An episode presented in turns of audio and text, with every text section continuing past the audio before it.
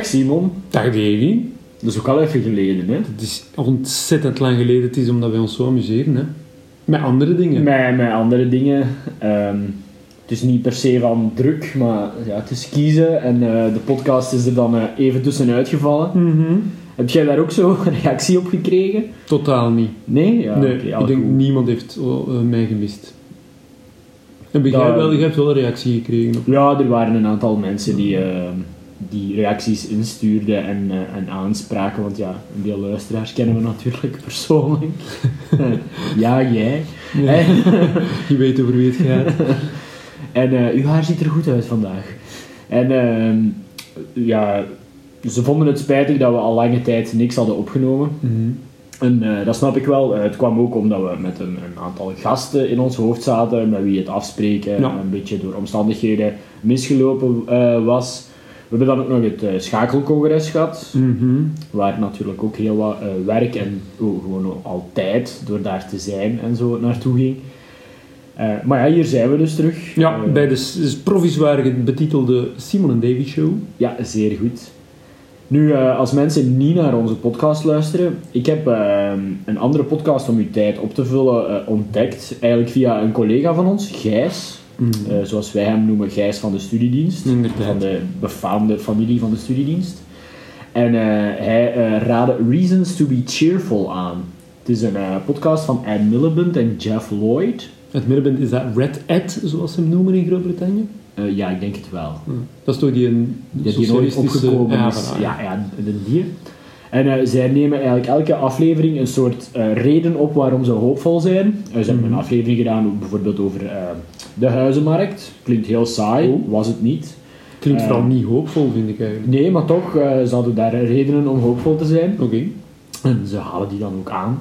Eh, over transgenders eh, hebben ze ook een, een aflevering gedaan. En ze nodigen dan ook mensen uit die ervaring daarmee hebben. Mhm.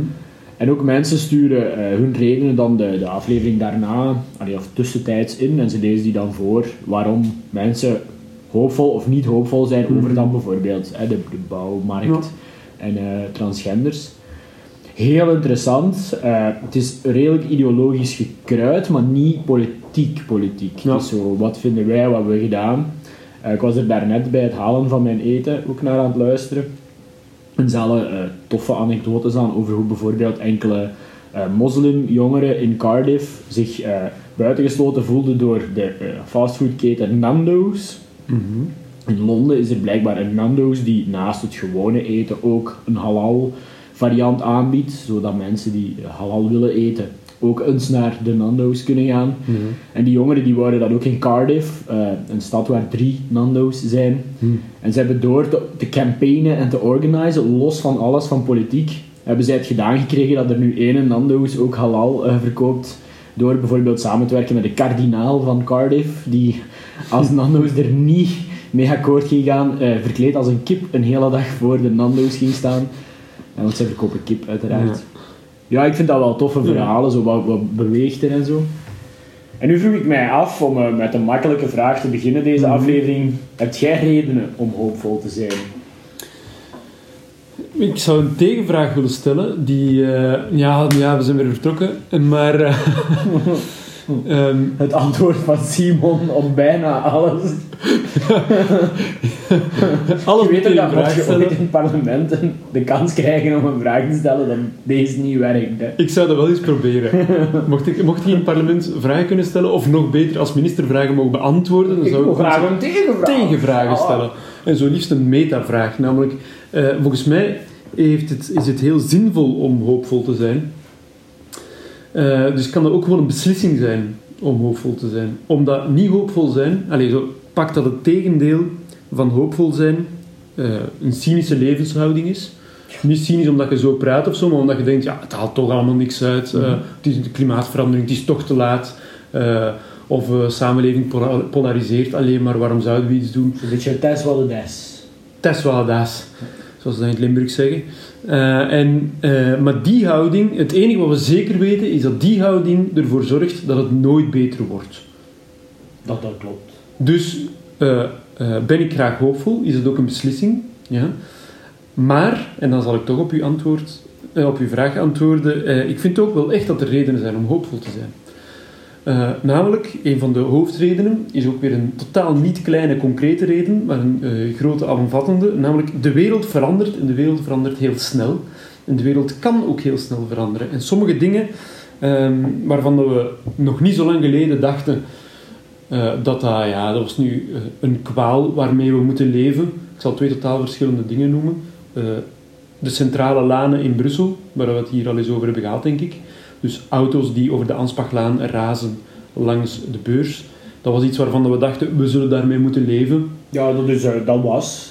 En dan op een paar maanden tijd, Picnic the Streets, Philippe van Parijs en zo, en ik heb er ook aan meegedaan, zo, we zijn daar de straat gaan bezetten. En op een paar maanden tijd is de stad Brussel overstag gegaan en hebben dan op een hele slechte manier een voetgangerszone ingevoerd. Maar bon, de netto is het resultaat dat er geen auto's rijden, wat heel goed is. Nu staan er wel kerststalletjes en dat is verschrikkelijk. Maar dat is maar tijdelijk, ook altijd, elk jaar. Een ander voorbeeld vind ik de MeToo, het MeToo-debat. Uh, ik vind dat zo een uh, macho humor en een seksistische uh, praat. En alles wat van daaruit vertrekt en erger is, namelijk in intimidatie of onveilige omgeving of zo, overgaat. Um, dat, ik heb ook lange tijd gedacht, en denk veel mensen, dat dat, dat, dat nooit een groot debat ging worden of een grote mentaliteitswijziging met zich mee ging brengen. Dat, dat, dat, je zo de, de, de, de politiek correcte mensen had en uh, uh, heel, heel veel mensen waren of zijn, maar dat dat voor de rest niet veel mensen aan het denken zou kunnen hebben gezet.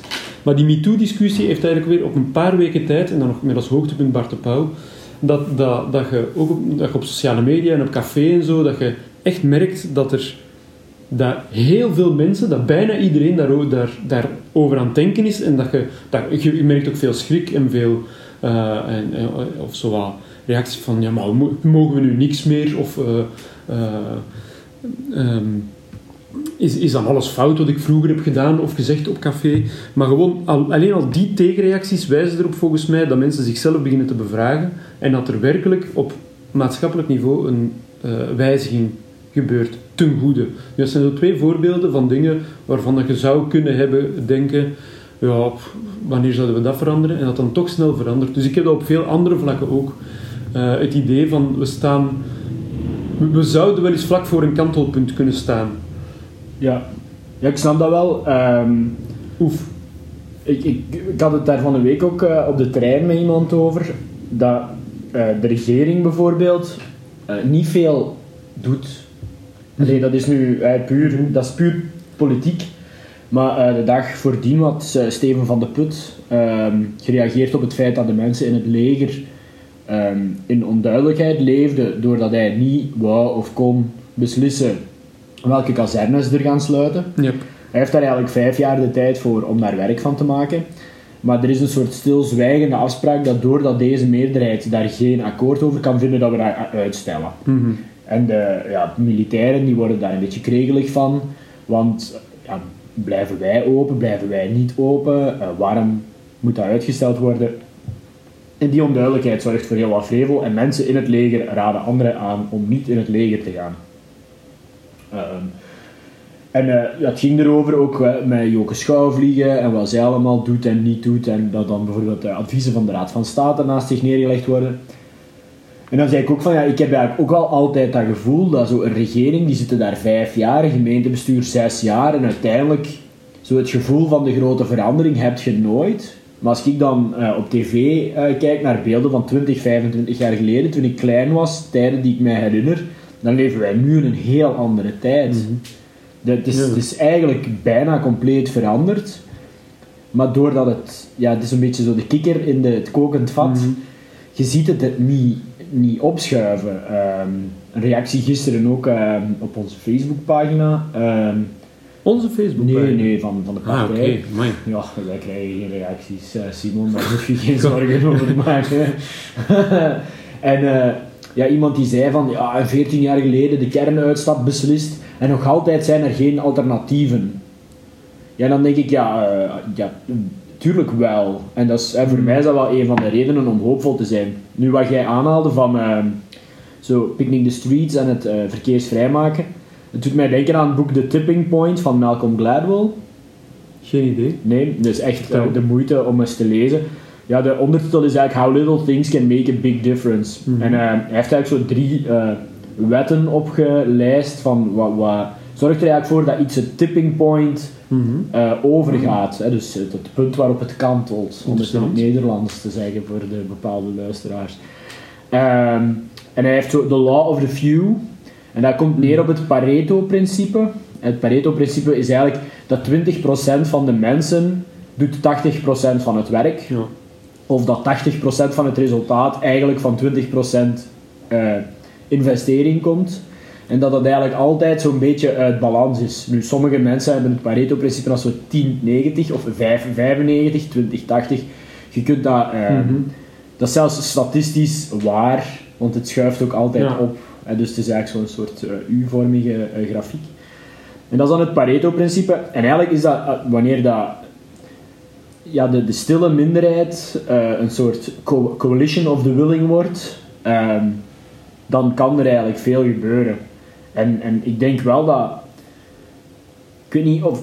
Veel mensen zeggen dat onze generatie of de mensen die er nu zijn mondiger zijn dan de vorige.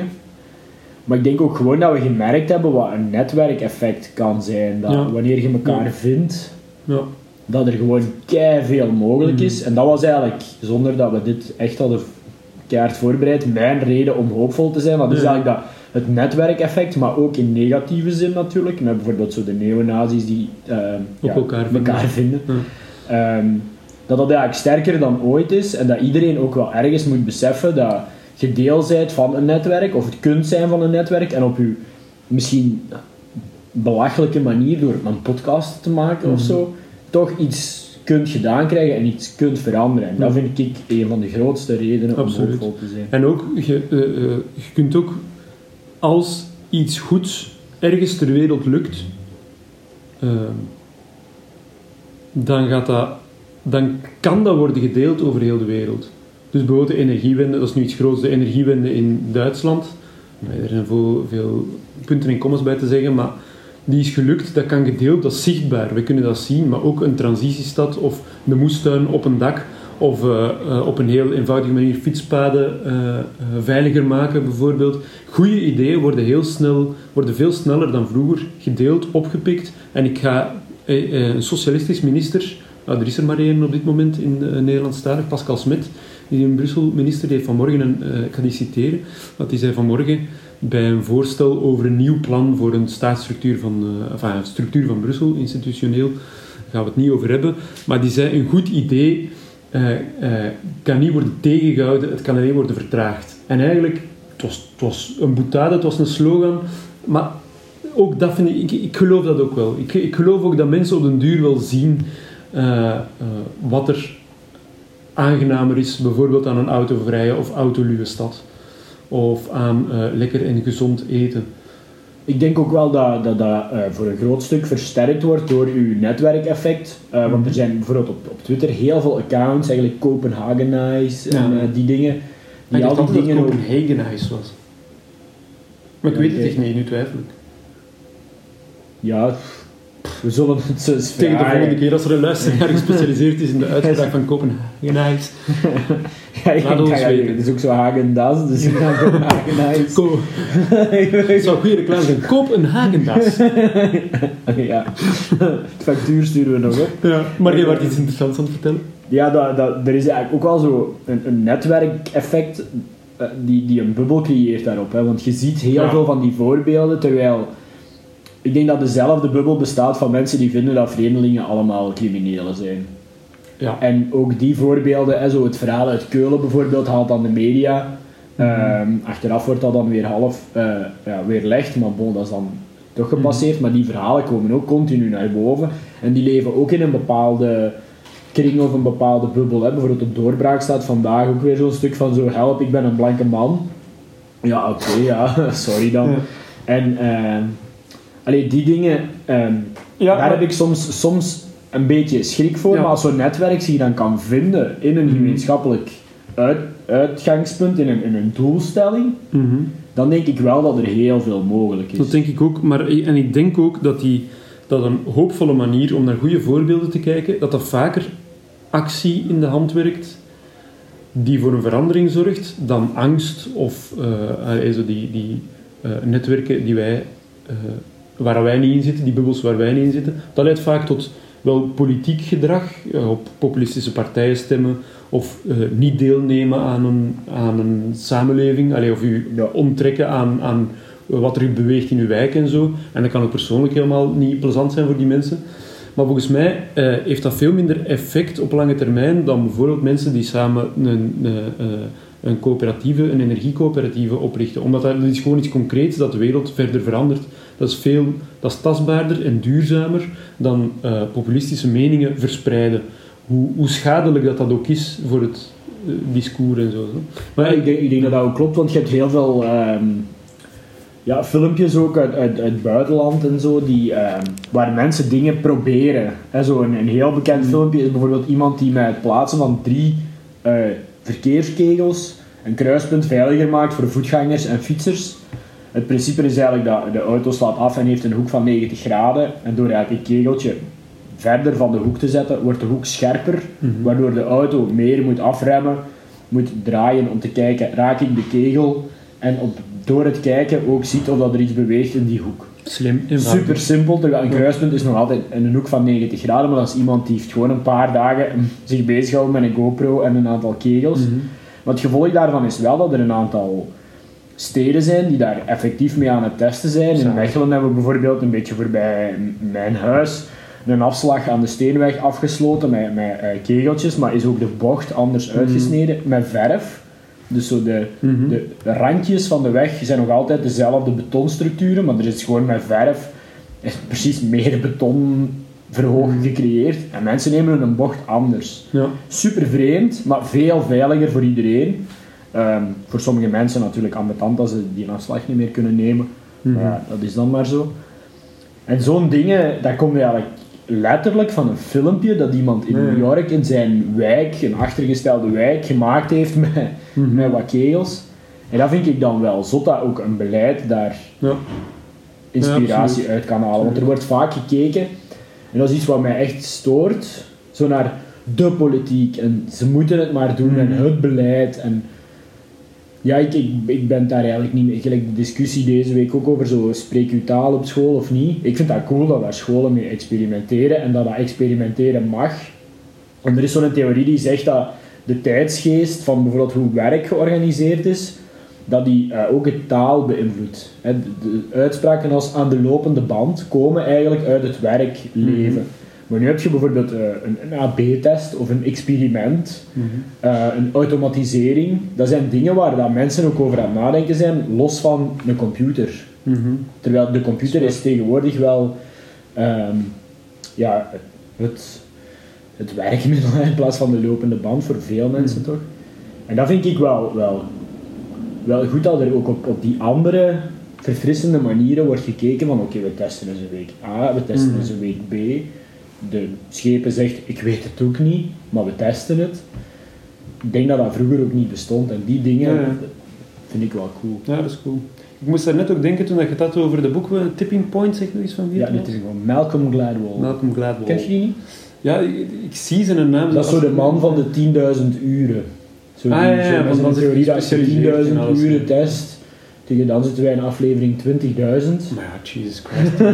ik, heb dat, ik heb ook eens zitten berekenen. Er is volgens mij niks dat ik... slapen en eten... Volgens mij is dat 7 jaar fulltime.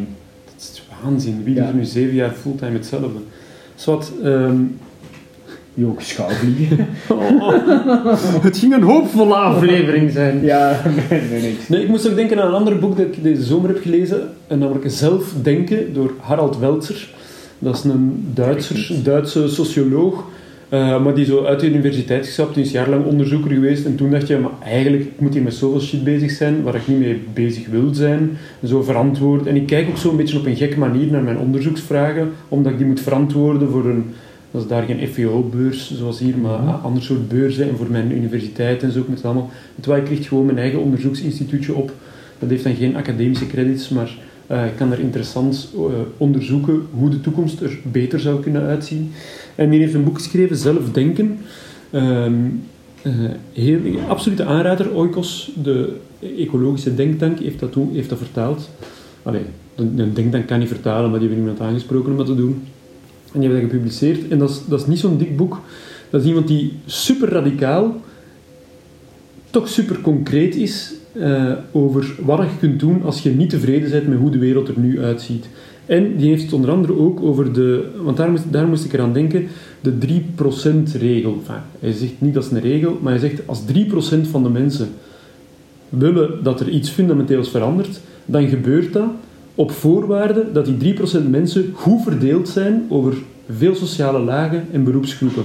Hij zegt als 3% uh, uh, van de mensen vindt dat er, uh, ik, zal het, ik zal het houden bij een energiecoöperatieve, uh, als, als dat allemaal uh, leraars zijn, dan gaat er waarschijnlijk niet snel iets veranderen. Maar als daar mensen zijn die hun energiefactuur niet kunnen betalen, en ingenieurs, en advocaten, en een paar lokale politici, en een paar, dus dat moet allemaal, dat moet in En totaal...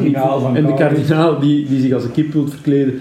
Zo, gewoon een paar mensen die elkaar vinden, 3% ongeveer, heeft er een onderzoek naar gedaan, in zeer veel verschillende gebieden, dan heeft dan ontzettende kracht om heel die samenleving uh, te doen kantelen. Ja, ik vind dat wel een interessant concept, want we hebben dat ooit uh, in een vak uh, aan, de, aan de hogeschool ook gehoord.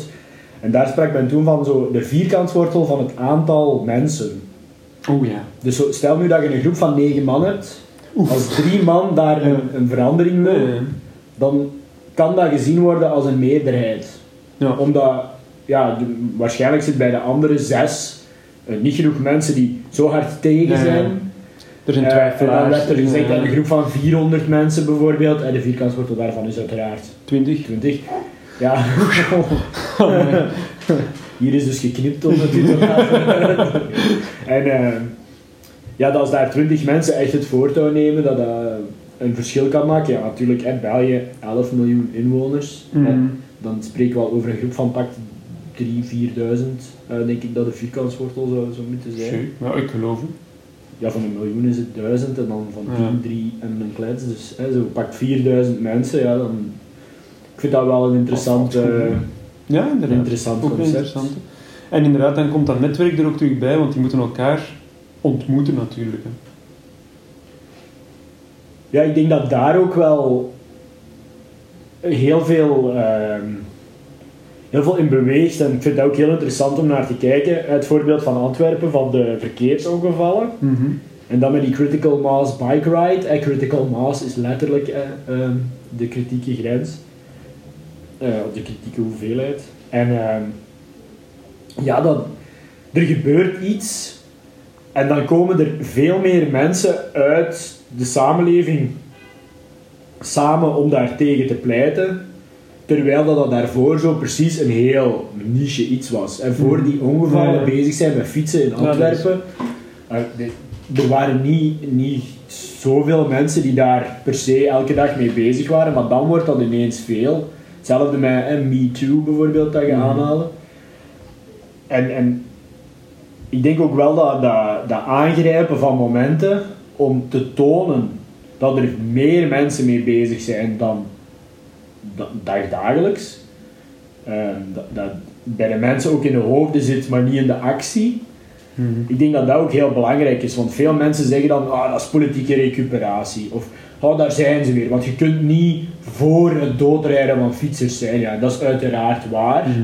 Maar als je, als je dat zegt op een onverdacht moment, ja, dan luistert er ook niemand. Dan zijn Ja, je gaan roepen in de woestijn. En als er dan iets gebeurt, dan kun je echt die mensen ehm, eruit trekken. En, en dat vind ik ook met die Me Too bijvoorbeeld. En ook dat dat eigenlijk zo wat blijft sluimeren. Ik vind dat eigenlijk wel goed. Ja, ja. Want zoveel mensen zeggen dan van ja, beslis dan. En, ja. eh, maar ja, daar valt ook niks in te beslissen. Alleen het is gewoon een voortdurend debat dat op gang getrokken is. Ja, en in gehoopt dat die grens wat opgeschoven Mhm. wordt, dat er meer venten beginnen nadenken over wat ze doen en dat Mhm. eh, het makkelijker wordt om erover Mhm. aanklacht te doen, of in de hoop dat dat zelfs niet meer zou moeten. Ehm, maar je schuift altijd een beetje op, hè. je gaat ook nooit naar het, ja. het andersomme. Heb je nog redenen? Nee, dat zijn echt alle redenen om hoopvol te zijn. Eh, ja, ik heb, ook, ik heb ook een kind natuurlijk. Het is, echt, het is echt een heel jong kind, dus het is heel dom om niet hoopvol te zijn als je een heel jong kind hebt. Dus ook... Ja, voilà. Oké dan. Heb, heb jij nog redenen om hoopvol te zijn? Er zijn superveel redenen. Hè? Het is hier juist beginnen sneeuwen. Het is ongelooflijk, hè? Ja. Eigenlijk mooier kan het ook niet worden zo'n podcast. Ja, Als ik- je nu zo- zo'n beetje jingle bells... ja maar dat, dat, onder dat is wel... Ik ga toch met een negatieve noot eindigen. Maar weer al. ik, ik, Ik haat, ga een wedervraag stellen. ik haat kerstmis. Ik haat heel die kerstsfeer. Waarom? En nu met die sneeuw ook, ik zie dat niet zitten. Ik, het is donker, het is koud. Ehm, ik durf het bijna niet zeggen, maar dan die familiefeesten. Eh, te veel eten. eh, het is, dat is zo vakantie, want je moet niet werken, maar het is, dat voelt helemaal niet aan Ja, als vakantie, weet- want je moet van het dus een naar het andere feest. Zo, dat de- telt niet als Niet om vakantie. interne keukens bloot te leggen, want bij mijn vriendin op het werk is het hetzelfde, maar tussen kerst en nieuw is er dan een sluiting. Ja. En wat eigenlijk een heel goed maatschappelijk iets is. Bij dus wij werken sowieso niet. Ja. Ja, ehm, allee, ik doe wel wat permanentie dan, maar... ehm, dus het, het spel is dicht. Mhm. Ehm, dat is eh, aan de, mijn lief haar, haar werk ook zo. En ehm, ja, je moet niet gaan werken. En de baas, die heeft dan zo het gevoel, maar dat is overal denk ik, zo, goh, een week rusten en daarna staan we uitgerust aan de start. Maar als er één week is in heel het jaar waar dat ik echt bijna Van- ja. doodziek vermoeid van terugkom, Daar dan moeten is we recupereren. Ja. Nu, ik, heb, ik heb wel niks tegen zo kerststalletjes en kerst... Allee, ik, ik, ben, ik weet niet of dat het zo het 30 worden is, maar dit is eigenlijk het eerste jaar dat ik zo de kerstverlichting zag hangen, hangen in Mechelen. Eh, ook ook eh, duurzame kerstverlichting, los van het feit dat ze minder duurzaam is dan geen kerstverlichting uiteraard. Ehm, dat ik zo wel iets heb dat ik snap van waar dat komt. Zo, het is donker, het is vroeg donker. Vandaag blijft het precies ook gewoon donker, want het is heel bewolkt. Dus je komt thuis van het werk, je wandelt van het station naar huis, door de, door de Bruel, de winkelstraat. En nu hangen daar lichten en dat heeft zo toch wel iets heel warm. Dat is toch warmer dan donker licht. Ah, ik vind het echt verschrikkelijk wat allemaal zegt. Dus ik ben op korte termijn helemaal niet hoopvol, omdat december eraan komt en de kerstperiode de eh, ergste maand van het jaar. Maar op lange termijn zie ik heel veel redenen om hoopvol te zijn. Oké Simon, waar kunnen ze u vinden na kerstmis?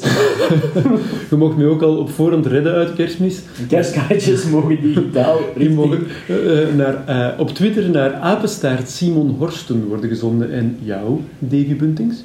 Eh, mij kan je vinden als D. Buntings op Twitter, Instagram en ja, overal bijna. Ehm, En ik zou ook willen zeggen, dus de mensen die vinden, de, blijkbaar bestaan die, dat we eh, vaak genoeg moeten opnemen. Ehm, niet opgenomen worden, dat is iets helemaal anders. dat we vaak genoeg moeten opnemen. Zo zijn er denk ik ook wel. ja, we zijn de laatste tien minuten van het wat tegen, maar eh, die, mogen ook gewoon, die mogen ook gewoon ideeën doorsturen van gasten die we kunnen uitnodigen of eh, thema's die we kunnen bespreken. Ja, want maar nee, daar gaan we het de volgende keer over hebben. Maar die Maar ik vind ook wel dat, stel nu dat je hier naar aan het luisteren bent en je denkt, verdorie, ik heb een reden om hoopvol te zijn, want... Ja. Of, ik vind wat Simon zegt, complete zever. Maar Ja. in tegenstelling tot Davy kan ik het niet zeggen op het moment zelf. Dan mocht je dat sturen naar reactie at davyensimon.show bijvoorbeeld. Of Ja. via Facebook, eh, Twitter, eh, al die kanalen. Dan lezen we het volgende keer eh, graag eh, Voor. voor, als, we, als het nuttig is en goed geschreven. Dus je weet het al, als het niet wordt voorgelezen, was het niet nuttig en goed geschreven. Nee, of, hè, of. Ah, of, of. Het is een en en de Ja. ontkenning Oké, ja, nog mee. De eh, lat ligt laag voor goede reacties. Voorlopig. Bedankt. Dag!